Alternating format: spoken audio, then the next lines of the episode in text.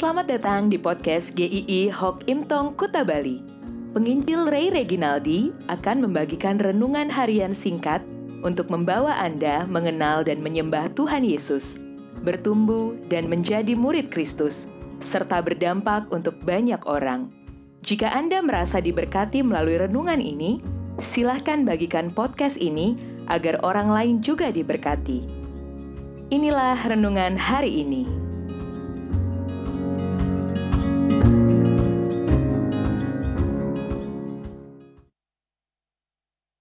Pandang ke depan.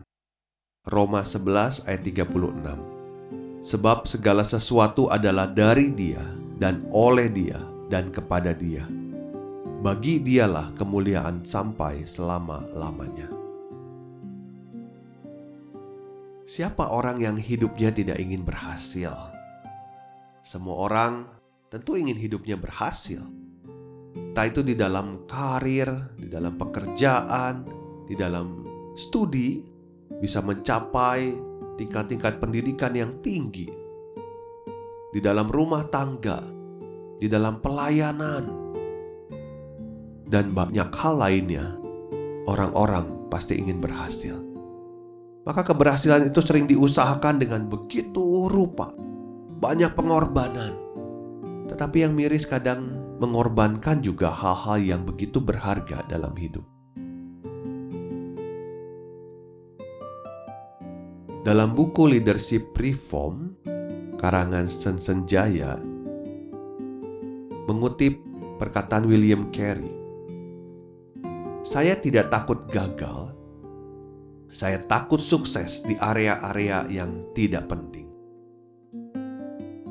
Ternyata sukses itu, berhasil itu bisa terjadi di area-area yang tidak penting di dalam hidup ini dan itu sangat disayangkan. Pertanyaannya bagi kita adalah, di area mana sebetulnya kita mengejar keberhasilan, atau di mata siapa kita ingin dianggap berhasil? Apakah keberhasilan yang kita kejar itu sama dengan keberhasilan yang Tuhan kehendaki?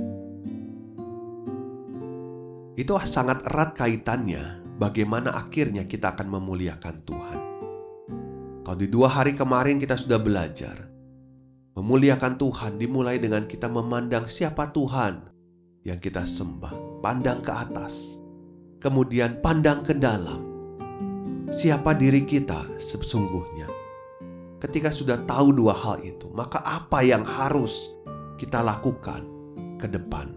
Kita pandang ke depan, hidup kita mau ditulis seperti apa. Kalau kita berkata hidup ini untuk memuliakan Tuhan, maka bagaimana apa yang harus kita lakukan ke depan? Rasul Paulus menutup dengan epik, dengan keren banget bagian Roma 11 ini. Sebab segala sesuatu adalah dari dia dan oleh atau melalui dia dan kepada dia bagi dialah kemuliaan sampai selama-lamanya. Pemahaman akan Allah dan pemahaman akan dirinya membuatnya memberikan hidupnya untuk kemuliaan Allah saja, untuk memuliakan Tuhan, hidup seutuhnya. Dia berkata, "Segala sesuatu bukan beberapa saja, bukan sebagian besar, tapi segala sesuatu dari Tuhan, dan itu semuanya dari Tuhan dan untuk Tuhan. Dia adalah sumber, dia adalah pemelihara, dan dia juga tujuan hidup kita. Hidup kita adalah dari Tuhan. Kita ada karena Tuhan. Kita bisa melakukan semuanya karena Tuhan. Maka seluruh hidup ini adalah untuk Tuhan. Kalau kita mengakui seluruh keberadaan dan pergerakan kita di dalam dunia ini hanya karena Tuhan, maka kita pun akan hidup untuk memuliakan Tuhan. Seluruh hidup ini diarahkan untuk Tuhan. Memuliakan Tuhan bukan sebuah pilihan, itu sebuah keharusan untuk orang yang percaya.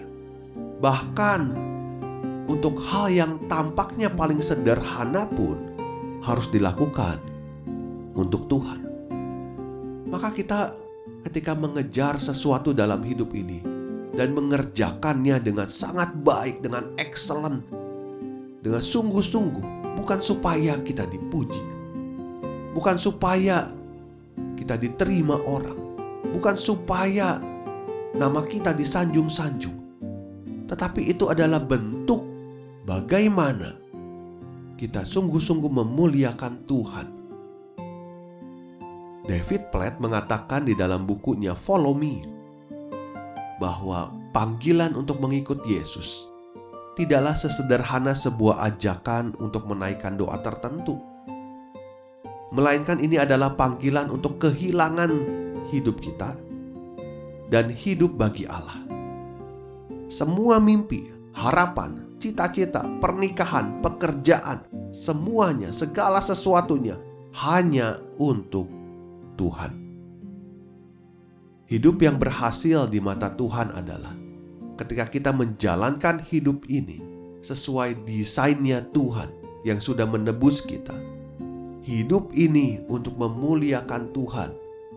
Entah apa yang kita kerjakan, sebagai arsitek, sebagai guru, sebagai karyawan, sebagai hamba Tuhan, sebagai ibu rumah tangga, sebagai marketing, apa pun yang kita lakukan, itu semuanya, seluruhnya harusnya untuk Tuhan.